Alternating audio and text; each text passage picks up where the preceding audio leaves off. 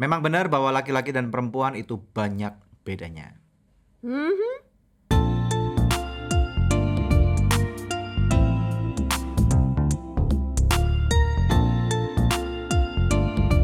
Kamu lagi dengerin podcast Love Revolution. Anda menyaksikan Love Revolution bersama dengan kami, saya Daniel Hendrata dan juga ini istri saya. Debbie. Ada yang baru nih. Apa tuh? Notice nggak?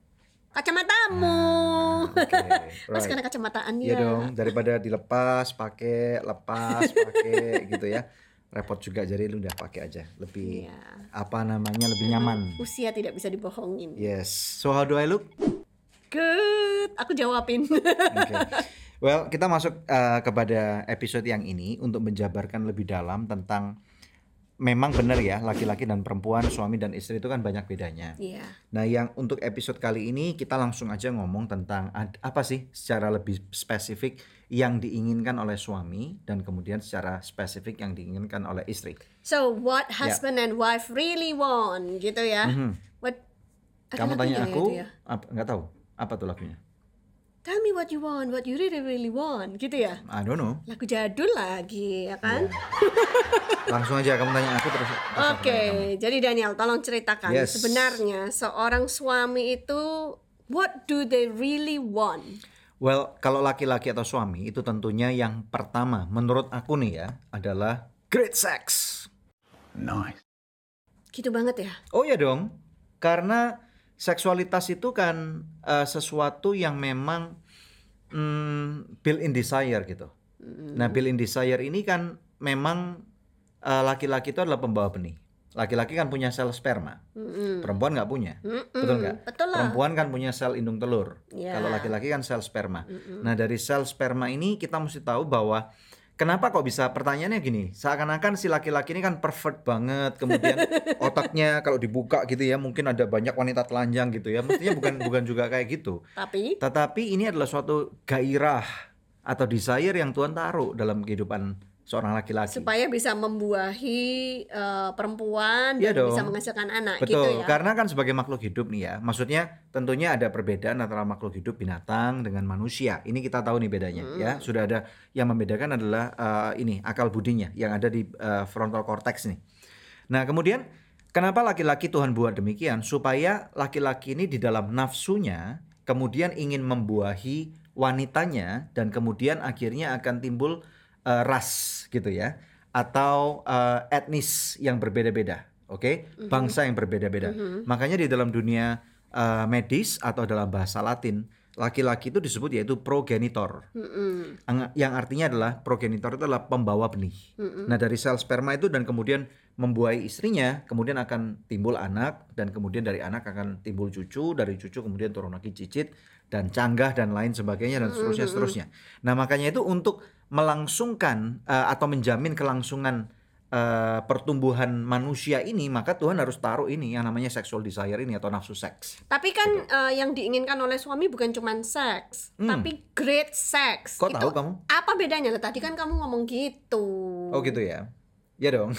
Iya, apa bedanya? Tolong jelaskan. Barangkali ya masih ada istri-istri di luar sana yang nggak ngerti bedanya antara seks dengan great sex. Kalau gitu. kita ngomong tentang seks ya, cuman istilahnya maaf ya, mungkin eh, apa ciuman, terus kemudian raba-raba, terus kemudian ini kan part of daripada hubungan seksual. Terus kemudian sampai terjadinya penetrasi atau intercourse gitu ya. Tetapi bagi seorang laki-laki pada umumnya dan aku pada khususnya, Oke. I want something more, something that I can enjoy, something that I can look forward to, something yang bahkan bisa memberikan satu pelepasan yang luar biasa buat Berarti aku. itu tergantung dari prianya dong ya. Selera pria kan beda-beda gitu. Jadi tergantung suamimu seperti apa gitu. Uh, I guess so, yes. Tentunya nggak bisa menutup kemungkinan ada beberapa laki-laki yang mungkin lebih pasif daripada yang lain. Ada laki-laki yang juga uh, tipenya lebih agresif banget daripada yang lain. Tentunya ini ini setiap orang nggak bisa disamaratakan karena kita kan istilahnya kita ini custom build gitu loh. Kita kita bukan fabrikasi. Ya. ya. Dan Ya. kemudian eh, satu hal lagi yang perlu kamu tahu bahwa kenapa laki-laki itu eh, menyukai seks gitu ya dan kemudian malah membutuhkan seksual. Nah, karena hubungan seksual itu bagi kebanyakan laki-laki adalah stress relief. Nah, bagi kebanyakan orang pada waktu mereka pergi ke kantor, bekerja, bertemu dengan klien dan kemudian harus ngejar Berantem sama orang ngejar gitu deal kan. tertentu, kemudian istilahnya ribut dengan banyak orang gitu ya Yeah. sampai istilahnya bisa secure satu uh, bisnis deal dan kemudian bawa pulang makanan ke rumah buat istri dan buat anak-anaknya itu memiliki intensitas stres yang sangat tinggi. Mm-mm. Sehingga sampai di rumah tentunya laki-laki ini kebanyakan ingin diperlakukan dengan manis oleh istrinya dan kemudian diberikan treat atau hiburan atau Hiburan. pleasure. Oke. Kan kita udah belajar tuh di beberapa Iya, episode ber- iya. ber- sebelumnya bahwa seks itu salah satunya adalah for pleasure, ya kan? Jadi pada waktu itu tentunya si laki-laki ini akan merasa tenang, Hah, gitu, lega. Seiring dengan yang namanya ejakulasi, breng, gitu, lega. Stresnya ikutan hilang Yes. gitu ya. Dan kemudian makanya setelah itu Have you gitu ever kan. wondered why gitu kan ya laki-laki kalau udah puas terus tidur gitu biasanya eh, istrinya akan tersinggung gitu tapi ternyata itu pelepasan buat mereka. karena itu benar-benar apa ya? Itu laki-laki itu ada dalam satu titik yang very vulnerable atau atau titik rawannya. Makanya kalau misalnya seorang laki-laki tidak dilayani dengan luar biasa dan sampai seorang laki-laki melakukan uh, hubungan seksual ataupun pembuahan di luar rumah dan bukan dengan istrinya, saat itu uh, perempuan itu udah pasti kehilangan kendali atas laki-lakinya. Gitu loh. Makanya uh, tentunya uh, yang nomor tiga juga bahwa hai perempuan, janganlah hai istri, janganlah gunakan hubungan seksual untuk kamu punya tujuan untuk ngendaliin suami kamu. Hmm. Karena ada banyak wanita-wanita yang merasa bahwa kalau kamu nggak ngikutin kemauanku, maka aku nggak akan layanin kamu. Nggak aku nggak akan kasih jatah seksual kepada kamu gitu. Kita nggak akan make love gitu atau nggak akan have sex. Menurut saya itu Salah bahaya besar. banget. Itu adalah Yes. eh, metode yang salah gitu itu ya. itu adalah bukan cuma metode yang salah, itu strategi yang ngawur, yang salah. Karena pada waktu Oke misalnya suami kamu sampai jatuh ke pelukan seorang wanita yang mengerti akan hal ini dan kemudian sampai dia dilayani dalam hal seksualitas Susah kembalinya. yang sangat luar biasa yang tidak akan bisa kamu berikan kepada suamimu, suamimu nggak mungkin pulang. Hmm. I guarantee it for sure. Gitu, suamimu nggak mungkin pulang.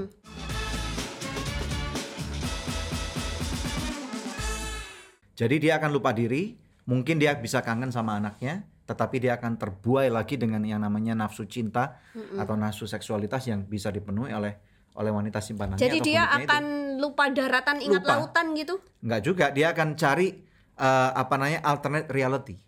Lah iya, lautan yang dia ingat bukan Kalau lihat lautan kan harus bergelora. terus, gitu kan? Susah kan kalau berenang terus. Anyway, ini baru satu poin loh, baru cowok. Nah itu, Hmm. jadi what do you think about the great sex for your husband? Ya, I think kalau memang itu yang diperlukan oleh suami kita supaya dia nggak jatuh dalam dosa, Hmm. ya kasih aja lah gitu maksudnya. Nah, cuman laki-laki bisa merasakan loh kalau wanita nggak lagi sungguh-sungguh loh.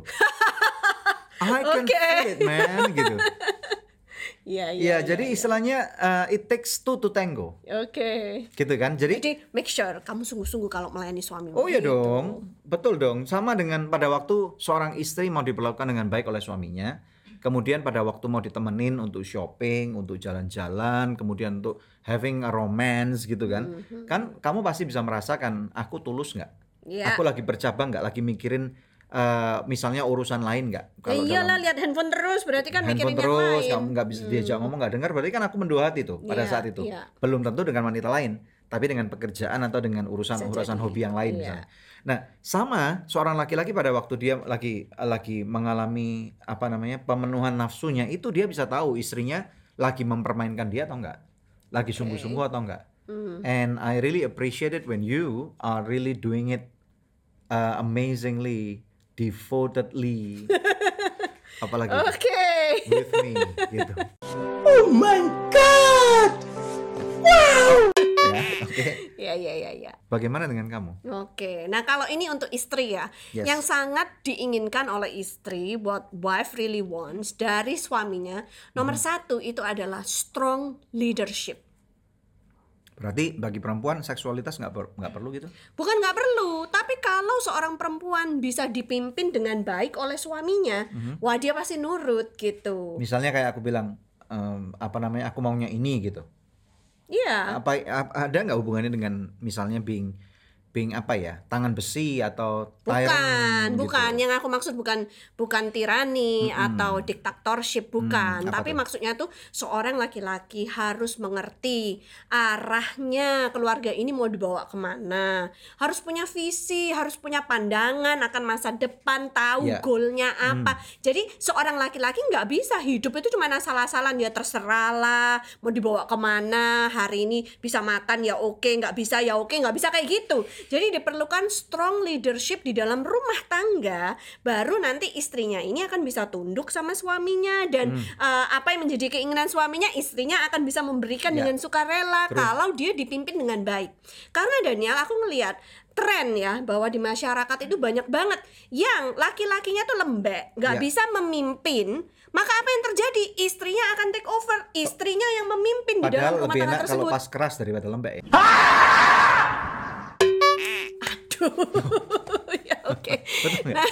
lebih enak keras daripada lembek kan iya iya Oke, dalam hal strong will ya. Jadi maksudnya itu kalau istri yang memimpin terus terjadilah tren suami-suami takut istri. Hmm. Karena kalau istri udah memimpin biasanya dia akan memimpinnya itu dengan tangan besi berarti gitu. para suami jangan tidak. kamu lembek ayo keras. Tidak memperhatikan perasaan suaminya, tidak memperhatikan eh, apa namanya ego laki-laki suaminya. Karena kalau sampai istrinya yang memimpin, misalnya memimpin dalam hal secara rohani di dalam keluarganya, memimpin dalam hal keuangan di dalam keluarganya. Kalau istrinya itu eh, dia yang pergi kerja, dia yang mengha- menghasilkan uang lebih banyak daripada suaminya, Oh, terus iya. suaminya cuma nunggu eh, di support setiap bulan untuk dapat eh, pesa- pesangon, dapat memang ada kayak gitu Ya ada lah suami-suami sure? yang tidak bekerja itu istilahnya zaman sekarang adalah eh, house husband hmm, wow ya.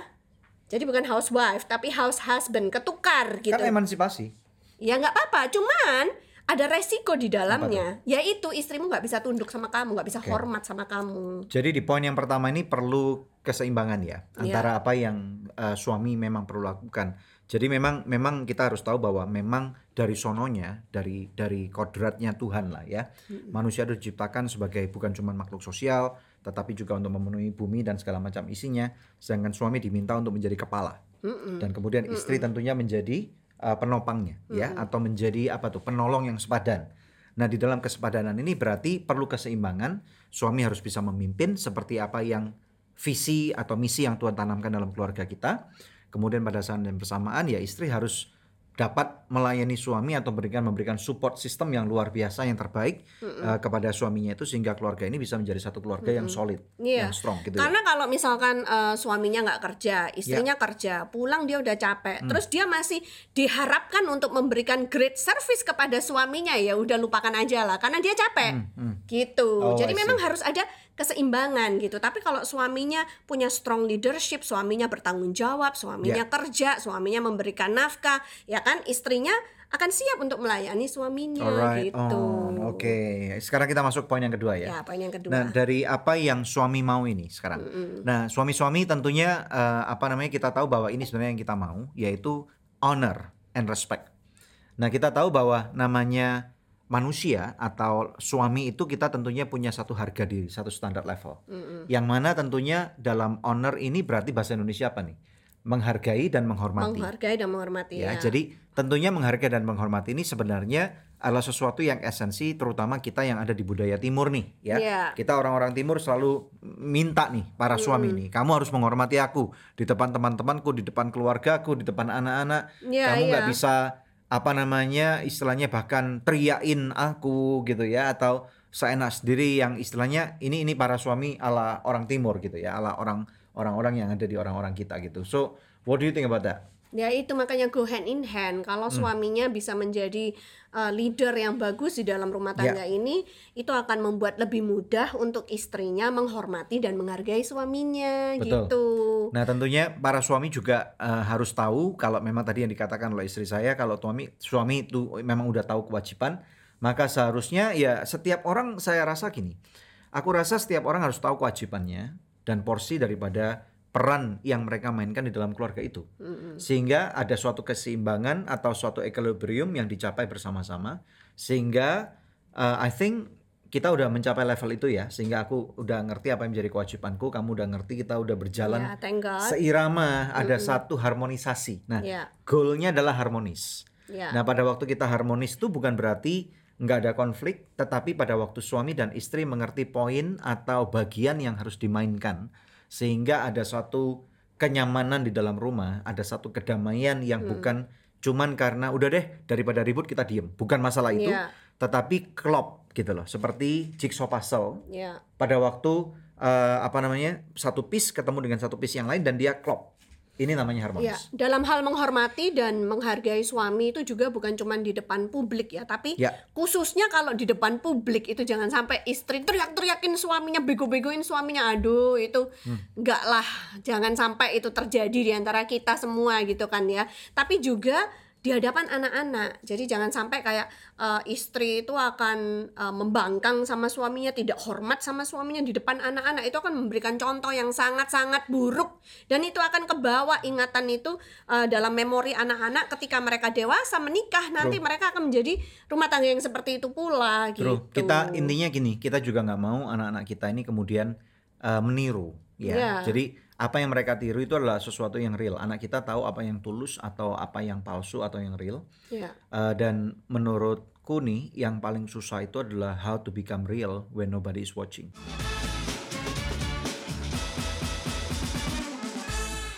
Ya. gitu ya pada waktu kita bisa uh, ngomongnya enak gitu ya kadang-kadang memang ada tensi tinggi di antara kita tetapi pada waktu kita saling sadar dan kemudian ya sudahlah ayo kita selesaikan maka kita nggak perlu hidup di dalam kepura-puraan pada waktu kita berhubungan dengan orang lain Iya, ya Karena nggak enak mudah hidup gitu. dalam kepalsuan itu ya That's kan. right. Nah poin yang kedua sekarang kalau Yes. untuk istri, what does a wife want gitu Yes, kan ya. me. Nomor duanya adalah courting and dating.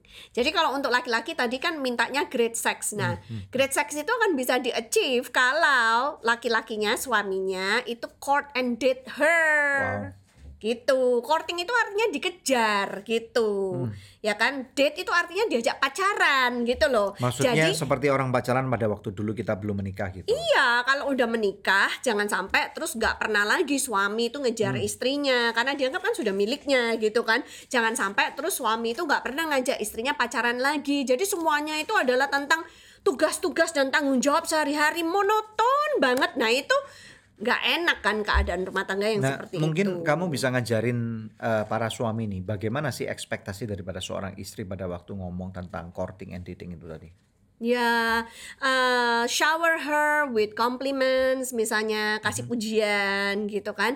Jadi uh, kalau misalkan suami mengharapkan untuk nanti malam kita berintiman ya, jangan kayak orang bikin uh, janji temu, ntar malam aku pengen main ya, jangan seperti itu gitu. Tapi maksudnya itu dilakukannya main dengan gitu maksudnya. dilakukannya dengan elegan gitu kan ya. Jadi misalnya dari pagi suaminya eh, suaminya udah peluk istrinya, ya, ciumin dia, lalu eh, kasih kata-kata yang manis gitu kan. Eh, Ya. Sepanjang hari itu dipuji istrinya gitu. Kalau misalkan istrinya eh, kirim makanan untuk suaminya makan siang di kantor, nah Ya. itu dipuji makanannya dan lain sebagainya. Pokoknya kenyangkan dia dengan kasih sayang ya kan atau kalau nanti pulang dari kantor jangan lupa belikan uh, kue kesukaannya beli atau belikan bunga dia kalau dia suka bunga ya, kan bawakan dia bunga bang kalau dia suka bunga bang Ya. gitu kan ya jadi itu adalah proses dari pengejaran tersebut Ya, nah tapi istilahnya tentunya kalau misalnya pas lagi pandemi gini kan tentunya nggak segala sesuatu mudah gitu ya. Kita nggak bisa lagi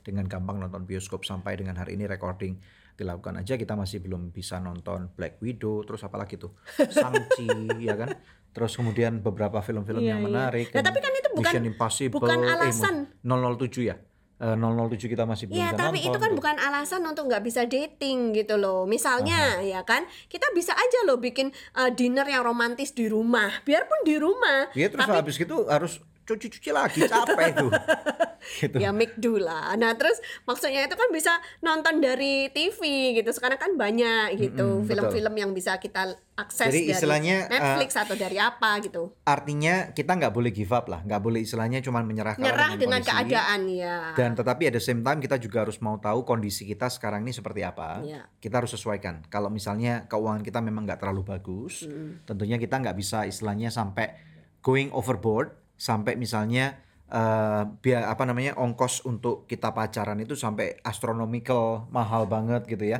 Sampai misalnya harus kita maksain diri harus pergi ke Hmm. jangan. hotel bintang 5 yang berakibat Jangan. dengan bintang 7 kepala punyang nanti bayarnya kan. Nah, Iya. tetapi istilahnya eh, tujuannya sebenarnya bukan tentang mencari kemewahannya kan, tetapi bagaimana kita bisa meluangkan waktu berdua Yes, gitu. meluangkan waktu berdua, kita bisa saling menikmati dengan Hmm. tujuan supaya harmonisasi ini terjadi, Ya. sehingga artinya eh, keluarga kita bisa menjadi orang-orang yang menjadi berkat, anak-anak kita bisa diberkati. Ada lagi nggak hal lain yang paling diinginkan suami? Well, tentunya tadi great sex dan kemudian saling menghormati, saling menghargai. Saya rasa itu adalah kalau aku pribadi ya, I really appreciate it when you are supporting me in what I do. Gitu. Pada waktu kita dulu masih punya bisnis, you join me to run the business together with me.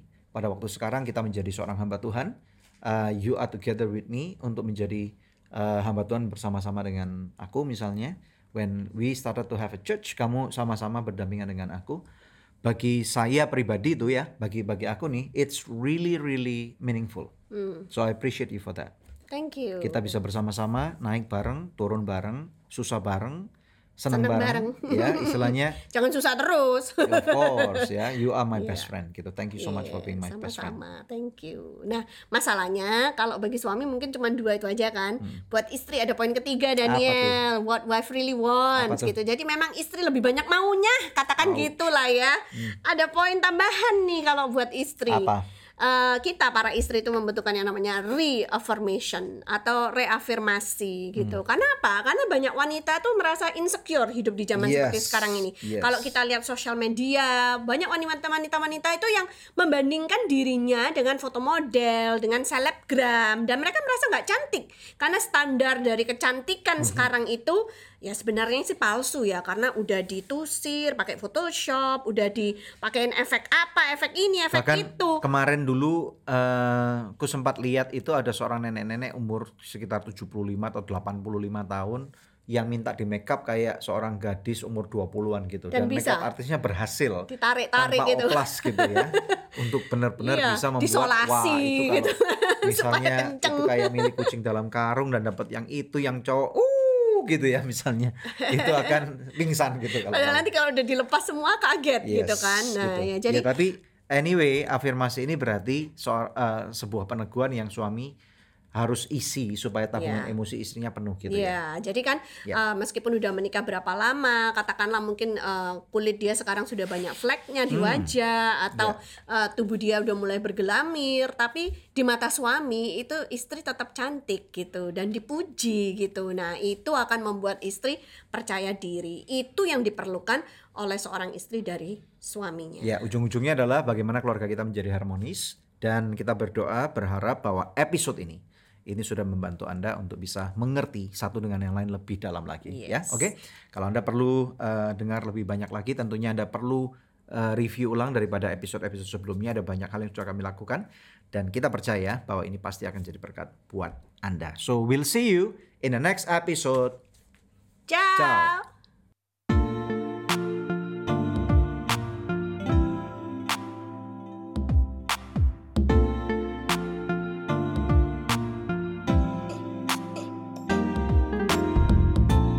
Kasih sudah tune in di podcast Love Revolution. Kalau kamu ngerasa feel-nya dapet banget nih sama konten ini, langsung aja bisa share di sosmed kamu. Dan jangan lupa untuk tag dan juga follow Instagram Daniel Hendrata dan juga Debbie Katarina. Kalau kamu mau belajar lebih dalam lagi nih tentang konten Love Revolution ini, kamu bisa dapetin bukunya di Tokopedia.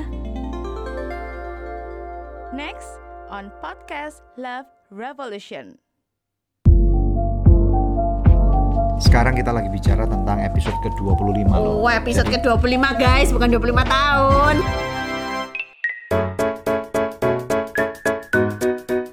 dari podcast Love Revolution ini harapan kami adalah uh, kami ter- berdua terbeban untuk menjadi mentor ataupun coach bagi keluarga-keluarga muda khususnya kaum milenial supaya generasi ini benar-benar kita bisa bicara nih kita bisa bisa ngajarin kita bisa speak something to their life untuk nunjukin apa yang supaya Love Revolution podcast ini bisa menjadi suara gitu kan ya That's yang right. memberikan arahan kepada pernikahan-pernikahan banyak orang.